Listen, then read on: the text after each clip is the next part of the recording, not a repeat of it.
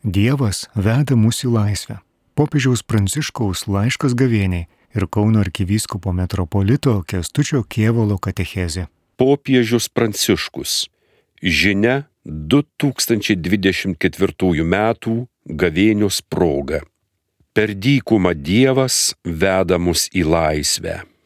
Brangus broliai ir seserys, kai mūsų Dievas apsireiškia, jis skelbia laisvę.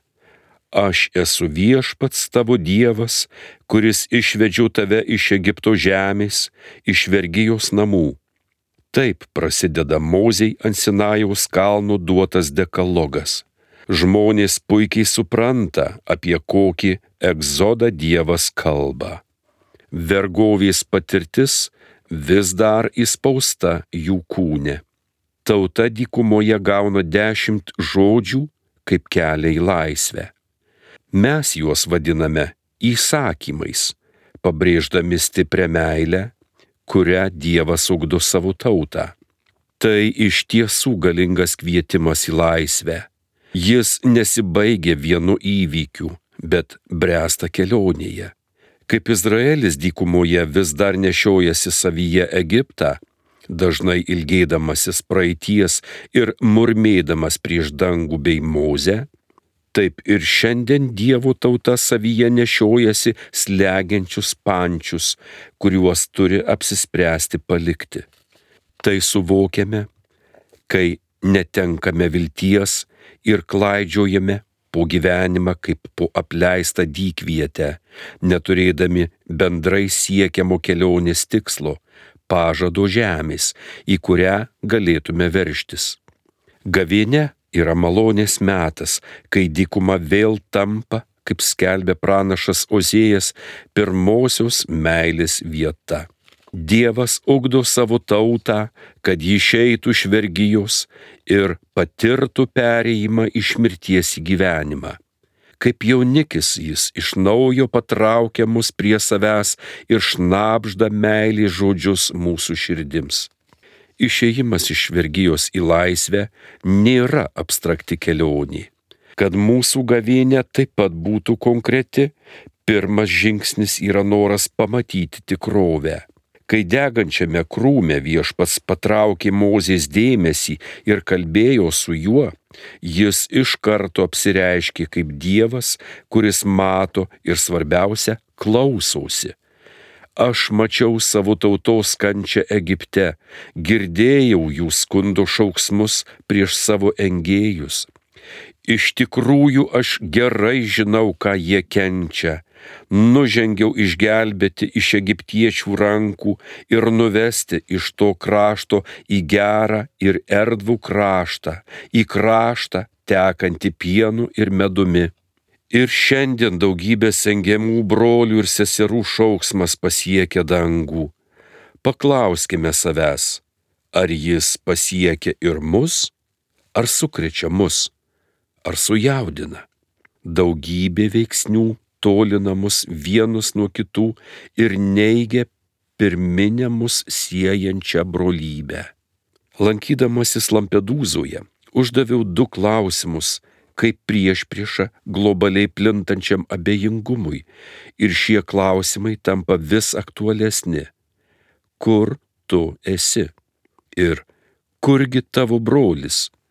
Gavėnius kelionė bus konkreti, jei iš naujo įsiklausysime į šiuos du klausimus, pripažinsime, kad ir šiandien tebesame faraono valdžioje jo viešpatavimas mus išsekina ir daro nejautrius. Toks plėtros modelis skaldo ir išplėšia iš mūsų ateitį.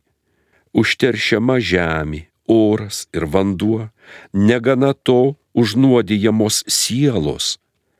Nors krikštu prasidėjo mūsų išlaisvinimas, tačiau mumyse išlieka nepaaiškinamas vergyjos ilgesys tai tarsi trauka prie pažįstamų dalykų teikiamo saugumo, ji kenkia mūsų laisviai. Norėčiau atkreipti jūsų dėmesį į reikšmingą išėjimo knygos pasakojimo detalę. Būtent Dievas mato, yra sujaudinamas ir išlaisvina. Izraelis to neprašo. Faraonas užgesina net svajones, pavagia dangų, sudaro regimybę, kad šio pasaulio, kuriame trypiamas orumas ir paneigiami autentiški ryšiai, neįmanoma pakeisti. Jam pavyksta visą tai pajungti savo. Paklauskime savęs, ar trokštų naujo pasaulio? Ar esu pasirengęs atmesti kompromisus su senuoju pasauliu? Daugelio brolių viskupų taip pat daugybės taikos ir teisingumo labui besidarbuojančių žmonių liudijimas vis labiau įtikina mane, kad būtent vilties deficitą reikia iškelti aikštėn. Tai kliūti svajoti, nebylų šauksmas siekintis dangų ir jaudinantis Dievo širdį. Tai primena nelaisvės ilgesį paralyžiuojantį Izraelį dykumoje ir neleidžiantį judėti pirmin. Išėjimas gali nutrūkti. Kitaip neįmanoma paaiškinti, kodėl žmonija pasiekusi visuotinės brolybės slengsti taip pat tokį mokslo, technikos, kultūros ir teisinės raidos lygį, kai galima visiems užtikrinti orumą, blaškos neligybės ir konfliktų tamsoje. Dievas nėra nuvargęs nuo mūsų. Pasitikime gavėnę kaip dvasiškai galingą laiką, kai Dievo žodis vėl kreipiasi į mus. Aš esu viešpats, tavo Dievas, kuris išvedžiau tave iš Egipto žemės, iš vergėjos namų. Tai atsivertimo laikas, laisvės metas. Pats Jėzus tai kasmet prisimename pirmąjį gavėnių sekmadienį, buvo dvasios išvestas į dykumą, kad būtų išbandomas laisvė. Keturiasdešimt dienų jis bus mūsų akivaizdoje ir su mumis. Jis yra įsikūnijas sūnus.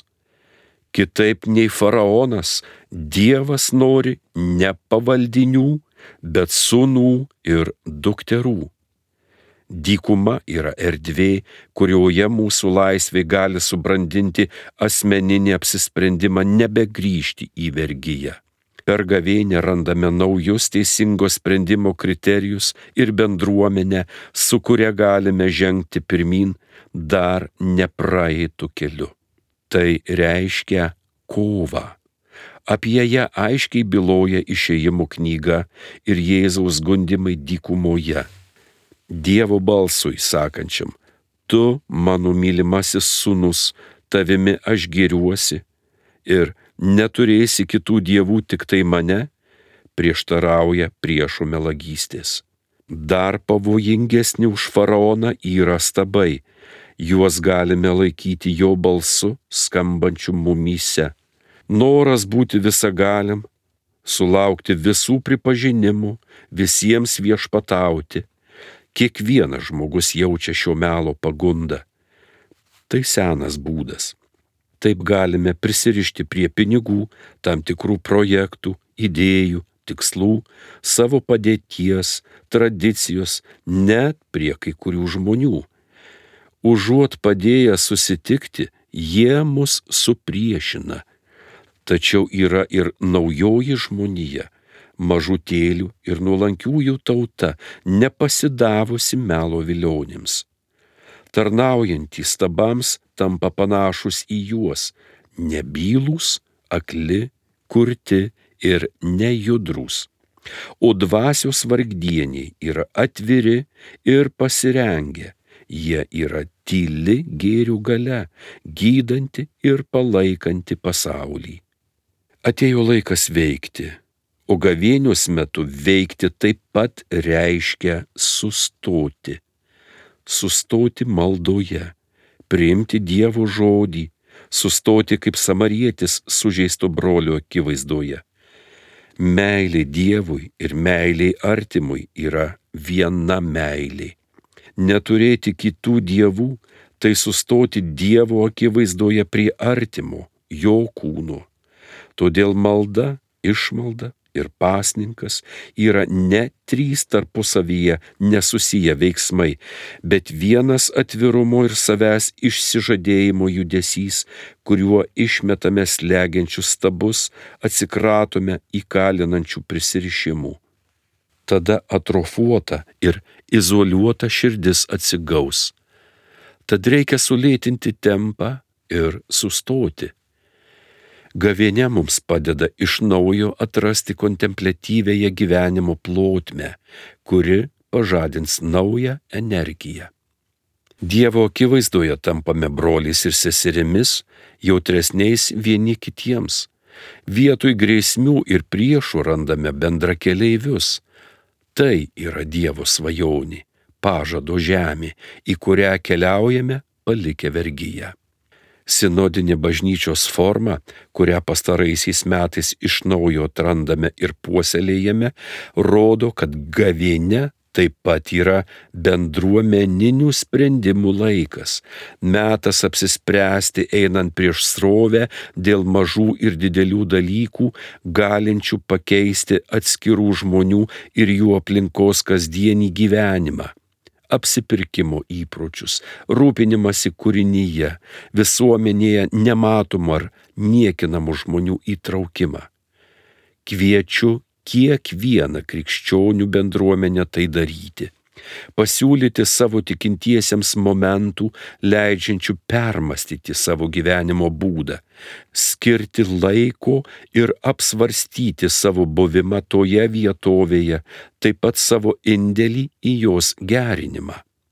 Vargas, jei krikščioniškoji atgaila būtų panaši į tą, kuri nuliūdino Jėzų. Jo žodžiai skirti ir mums. Kai pasninkaujate, nebūkite paniurę kaip veidmainiai.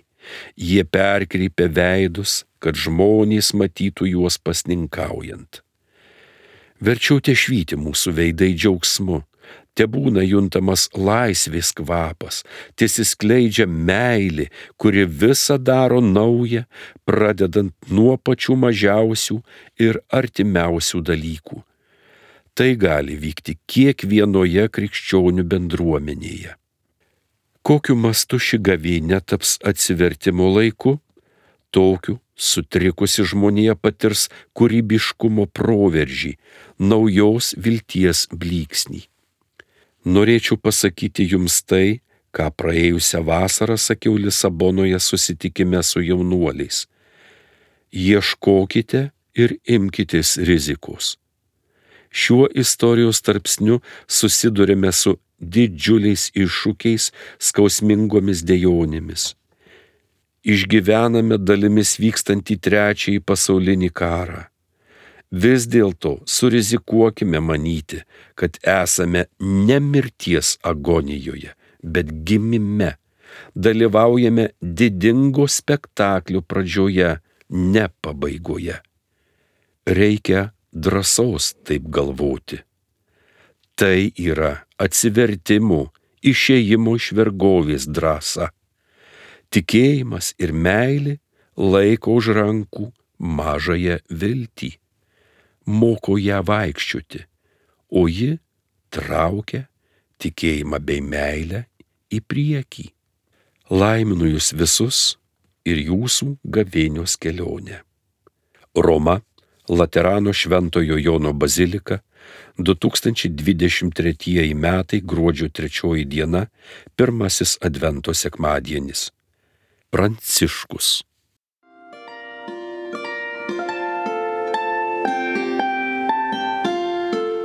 Jūs girdite Marijos radiją.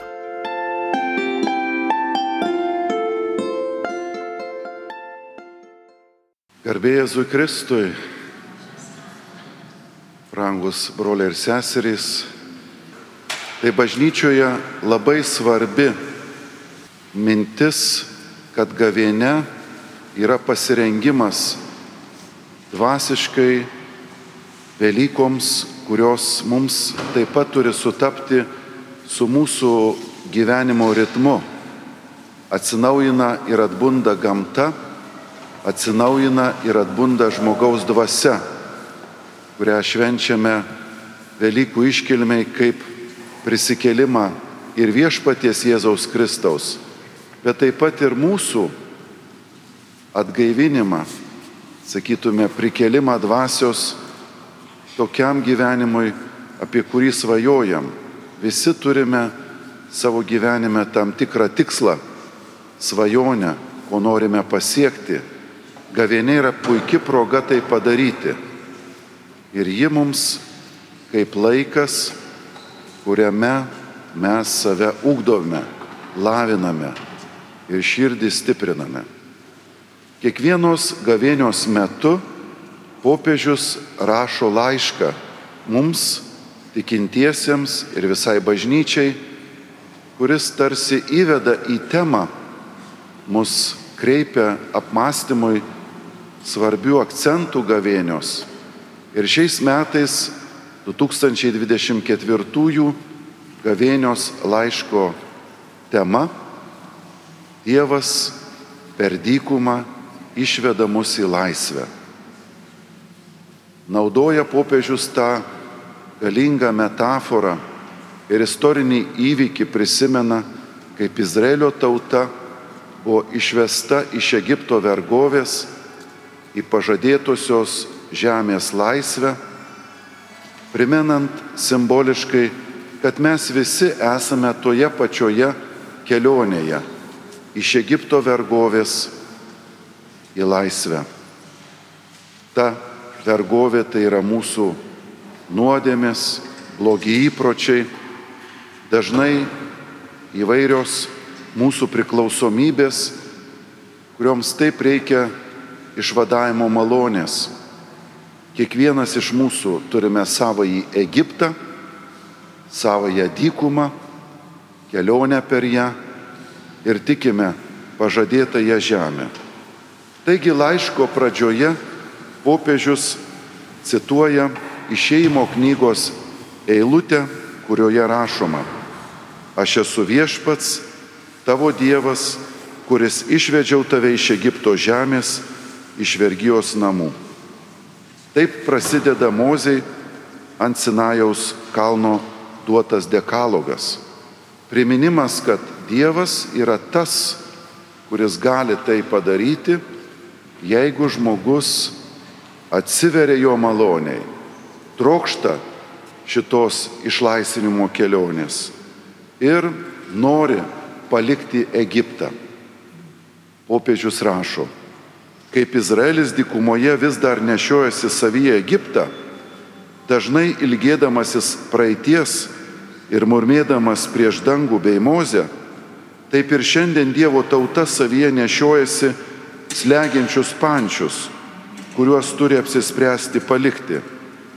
Tai suvokiame, kai netenkame vilties ir klaidžiojame per gyvenimą kaip po apleistą dykvietę, neturėdami bendrai siekiamo kelionės tikslo, pažado žemės, į kurią galėtume verštis.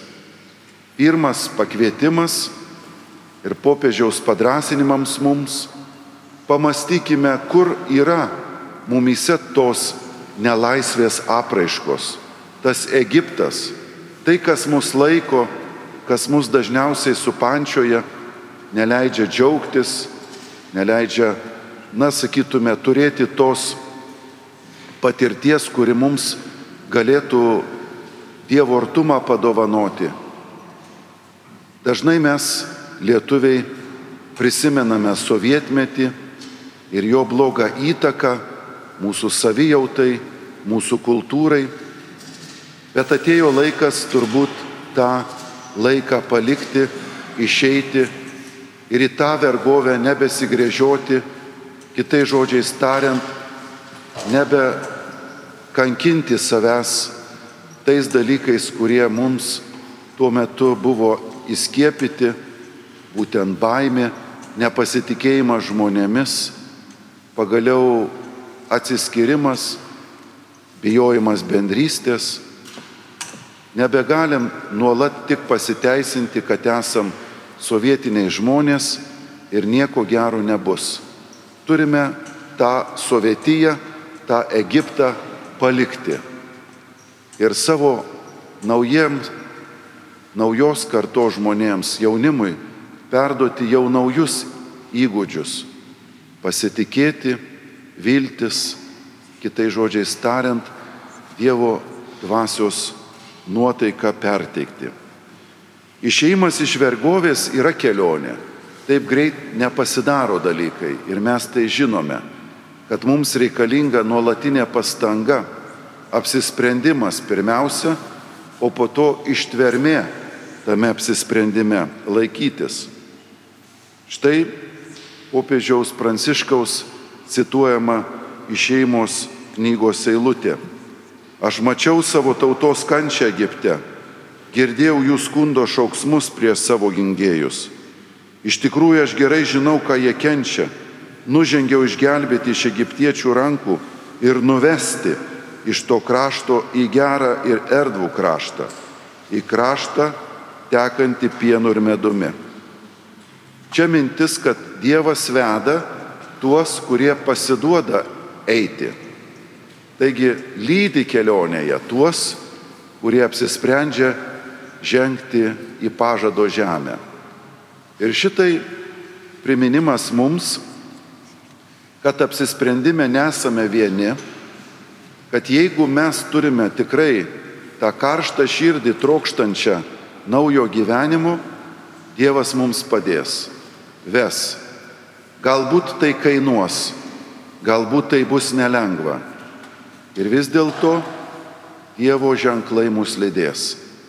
Čia yra ir mūsų gyvenimo kelionė, ir taip pat, aišku, gavėnios kelionė, kai apsisprendžiame perkeisti savo gyvenimą ir eiti į Velykas.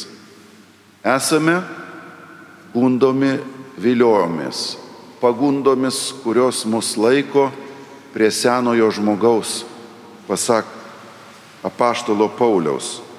Turime kovoti su įvairiomis melagystės formomis, kurios paralyžiuoja mūsų drąsą, kurios mus verčia pasilikti ten, kur buvome, kurios mus atitraukia nuo Dievo. Štai vėl popiežiaus pranciškaus graži laiško citata. Dievas nėra nuvargęs nuo mūsų. Pasitikime gavėnę kaip dvasiškai galingą laiką, kai Dievo žodis vėl kreipiasi į mus. Tai atsivertimo laikas, laisvės metas. Aišku, mums tai reiškia kova. Dažnai mums tai nelengva. Toje kelionėje ištverti, nes pasiryšti lengva, o ištesėti netaip lengva. Juk kiek daug esame įvairiausių pasiryžimų per gyvenimą padarę. Štai nuo naujų metų pradėsime naują etapą. Štai nuo pirmadienio pradėsiu aną ir aną. Na, govėnios pradžioje irgi turime pasiryžimus. Visa tai geros mūsų pastangos. Bet turime prisiminti, kad jeigu nesišauksime Dievo pagalbos, jo veikimo mums greičiausiai nepavyks ištesėti, nes žmogus yra trapus ir štai kam reikalingas išlaisvintojas, gelbėtojas, mūsų atpirkėjas. Jis prašosi mums į pagalbą ir žino, kad mes be jo neįveiksime to, ką pasiryštam. Daug įvairiausių prisirišimų mus stabdo ir prie įpročių, kurie dažnai įdingi, ir prie įvairiausių projektų, idėjų, minčių, kurie trukdo atsiverti Dievui ir žmonėms. Gavėnios laikas reiškia sustoti, apmastyti ir veikti. Sustoti maldoje, apmastyti savo gyvenimo kelionę ir veikti, kaip tas samarietis sužeisto brolio akivaizdoj. Štai kokias pajėgas Dievas nori mumyse pažadinti. ir gebėjimą atsiverti jam, ir gebėjimą atsiverti artimui. Meilė Dievui ir meilė artimui yra viena meilė, sako popiežius Pranciškus. Neturėti kitų dievų tai sustoti Dievo akivaizdoj prie artimo, jo kūno. Ir atvirkščiai, jeigu žmogus užsisklendžia, jeigu galvoja tik apie save, jam tiesiog nėra kada pamastyti apie kitą. Arba jis net nežino, kad tas kitas šalia galbūt turi didžiulę reikmę mano pagalbos, mano dėmesio. Tam ateina į pagalbą gavėnios metu naudojami labai trys ryškų žodžiai - malda, išmalda ir pasninkas. Popiežius Pranciškus tai kalba kaip atvirumo kitiems formos. Malda atvirumas Dievui, išmalda atvirumas artimui, o pasninkas tai gebėjimas savo įdas ir savo užsisklendimą įveikti. Šis trejetas mus lydi ne dėl to, kad tik primintų, kas Evangelijoje užrašyta, bet jis lydi tai, kad mes šitų žodžius padarytume savo gyvenime aktyvius. Malda yra bendrystė su Dievu. Tai, kas kyla iš maldos, yra išmalda, tai reiškia geri darbai. Ir pasninkas vėlgi tai savęs disciplinavimas, savęs apvaldymas, savęs tvarkymas. Bažnyčia padeda žmogui keliauti, nes jinai siūlo sakramentus, tuos veiksmingus malonės kanalus, kurie duoda žmogui, na, tokią galę, jėgą tuose kvietimuose išbūti. Na ir štai popiežiaus mintis, kad mes kiekvienas turime ieškoti būdų, kaip save dovanoti. Laiške gavėniojus proga popiežius rašo. Kviečiu kiekvieną krikščionių bendruomenę tai daryti. Pasiūlyti tikintiesiems momentų, leidžiančių permastyti savo gyvenimo būdą, skirti laiko ir apsvarstyti savo buvimą toje vietovėje, taip pat savo indėlį jos gyvenimą. Vargas, jei krikščioniškoji atgaila būtų panaši tą, kuri nuliūdino Jėzų. Jo žodžiai skirti ir mums. Kai pasninkaujate, nebūkite paniurę kaip vaidmainiai. Jie perkreipia veidus, kad žmonės matytų juos pasninkaujant. Verčiau te švyti mūsų veidai džiaugsmu, te būna juntamas laisvės kvapas, tesiskleidžia meilė, kuri visą daro naują, pradedant nuo pačių mažiausių ir artimiausių dalykų. Tai gali vykti kiekvienoje krikščionių bendruomenėje. Štai, brangieji, mums kvietimas. Esame žmonės, kurie vienai par kitaip susiję su kitais. Tai mūsų šeima, mūsų bendruomenė, mūsų bažnyčia, mūsų tauta, aišku, mūsų pasaulis. Ir jeigu esu krikščionis, atsivėręs viešpaties veikimui, natūraliai būsiu atsivėręs ir kitiems žmonėms.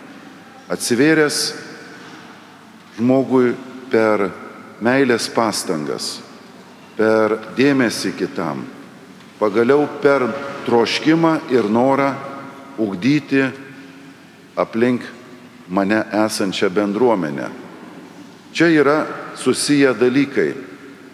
Ir jeigu žmogui pavyksta save apvaldyti, jisai išlaisvina jėgas šiam meilės darbui. Brangieji, gavėnios kelionė galėtų būti palyginta su ta dykumos kelionė, kai izraeliečiai išėjo iš Egipto nelaisvės. Taigi mums irgi tokioj, sakytume, 40 dienų miniatūroje ši kelionė vyksta. Kasgi yra tas mūsų Egiptas, kurį turime palikti? Visiems gera proga pamastyti, kokie dalykai norėtųsi pakeisti, kaip išeiti tą laisvę, išeiti iš vergyjos. Ir čia galėtume užsibriežti keletą paprastų, galbūt labai konkrečių tikslų, kurie mums padėtų. Pavyzdžiui, daugiau laiko skirsiu maldai. Dažniau ateisiu į šventasias mišes. Galbūt kasdien ateisiu į šventasias mišes per šį laiką, nes žinau, kokia didelė malonė ateina tam, kuris dalyvauja kasdieninėje šventų mišių aukoje. Galbūt aš būsiu tas, kuris atsiversiu šventą įraštą ir pradėsiu skaityti gabaliukas po straipsnelis po truputį. Galbūt aš būsiu tas, kuris išbandysiu naujas maldos formas, ne tik tai žodžio malda, kuri dažnai būna mūsų labai įprastinė malda, kaip sako liaudė, sukalbėti poterius ar atkalbėti maldas, bet, pavyzdžiui, atsiversti šventą raštą, paskaityti ir pamastyti apie tai, koks žodis man kalba, ką viešpats nori konkrečiai man pasakyti, ką šitas žodis reiškia mano gyvenimui. Tai vadinama meditacijos malda. Ir jinai yra labai svarbi forma, kurią mes kaip krikščionys galėtume labiau vystyti, labiau tobulėti joje ir tokiu būdu, na, keliauti į gilį, irtis į gilumą, pasak švento rašto žodžių. Atsivertimas tokiu būdu vyksta, nes aš gaunu tuos aha įkvėpimo momentus, ką reikia daryti su mano gyvenimu. Kai žmogus nutyla, nurimsta, apmasto, prasideda tas slaptingas pokalbis su Dievu ir staiga netikėtai ateina išvalgos, ateina, sakytume, toks pajautimas, kad Dievas man kalba tiesiogiai. Tai reiškia per tam tikrą galbūt Evangelijos žodį, sakinį, įvaizdį. Kartais tai būna labai netikėtas, staiga nušvitęs man Dievo padovanotas aiškumas, kaip elgtis, ką galėčiau daryti. Na ir štai tas keliavimas, jis nėra dažnai lengvas, kaip minėjau, dėl tos kovos, kuri mus tiesą sakant ištinka neišvengiamai, bet tokiu būdu aš turiu galimybę aukti. Per tą ištvermę aš stiprėju. Yra tokia knyga Gyventi malda Antomi Blium, kurioje autorius kalba apie ištvermę. Mums nebuvo įsakyta nuolatos dirbti, būdėti ir pasninkoti bet mūsų įstatymas yra nuolat melstis. Tas nenumaldomas noras melstis kyla tik iš meilės. Maldos kova su mūsų nerangumu ir tingumu yra nuolankios, pasitikinčios ir ištvermingos meilės kova. Taip, tai yra kova. Ir vis dėlto tas žmogus, kuriam pasiseka, tai yra nuostabi kova su pergale, kuri pažadėta kiekvienam, kuris iki galo ištveria maldos laiką, nors kartais jis atrodo kaip dykuma, sausa. Nei čia Dievas kalba, nei čia jo pajautos turiu, nei čia kokias nors išvalgas gaunu. Bet jeigu žmogus išlaiko tą ritmą, tą discipliną. Anksčiau ir vėliau jis bus apdovanotas tuo pažadu, kad viešpats nepleis ilginčios ir trokštančios širdies. Kartą teko dėstyti viename universitete, kur pakviečiau studentus skaityti šventąjį raštą, kad suprastų apie krikščionišką vakarų civilizaciją, kad susipažintų su tuo tekstu, kuris sukūrė taip pat ir mūsų kultūrą, aišku, labai įtakoja taip pat ir mūsų gyvenimą. Na ir štai viena mergina po kiek laiko pradėjusi skaityti nusiskundė, kad nieko skaitydama nesupranta. Čia kažkoks pasakojimas, nelabai aišku, kur pradžia, kur pabaiga, tokiais potėpiais sudėliota mintis ir jai tarsi trūko, reiškia, logikos, ar ten, sakytume, įsamumo. Ir atrodė, kągi pasakyti tam jaunam žmogui, jeigu jisai skaitydamas nesupranta. Vienintelis padrasinimas iš mano lūpų galėjo nuskambėti tik tai nesustokite skaityti toliau. Jūs pamatysite įdomių dalykų per tai, kai staiga tas žodis įsiskleis, atsivers, kai staiga suprasit visą visumą. Nors dabar atrodo tik tai atskiros detalės, atskiri tekstai, potėpiai ir mintis. Tai yra užmokestis žmogui, kuris ištvermingai meldžiasi, skaito raštą, domisi, pagaliau tokiu būdu viešpačiui meilę rodo. Apie tai popiežius Pranciškus šiame gavėnios laiške mums primena, kad mes kaip žmonės turime nuolat keliauti nuolat judėti. Niekada žmoguje nėra, sakytume, kol gyvenam žemėje, gana. Pasimeldžiau, viską žinau, man nieko nebetrūksta. Tokia laikysena būtų klaidinga, nekrikščioniška, nes tikėjimas pats yra kelionė, kaip gražiai pats žodis tikėjimas tik ėjimas mums tai sako. Turime Jėzaus pavyzdį. Jisai pats, būdamas Dievo sūnus, meldžiasi, nes jis laiko ryšį su tėvu, taip pat moko mus melstis ir savo laikyseną parodo, kokia malda svarbi.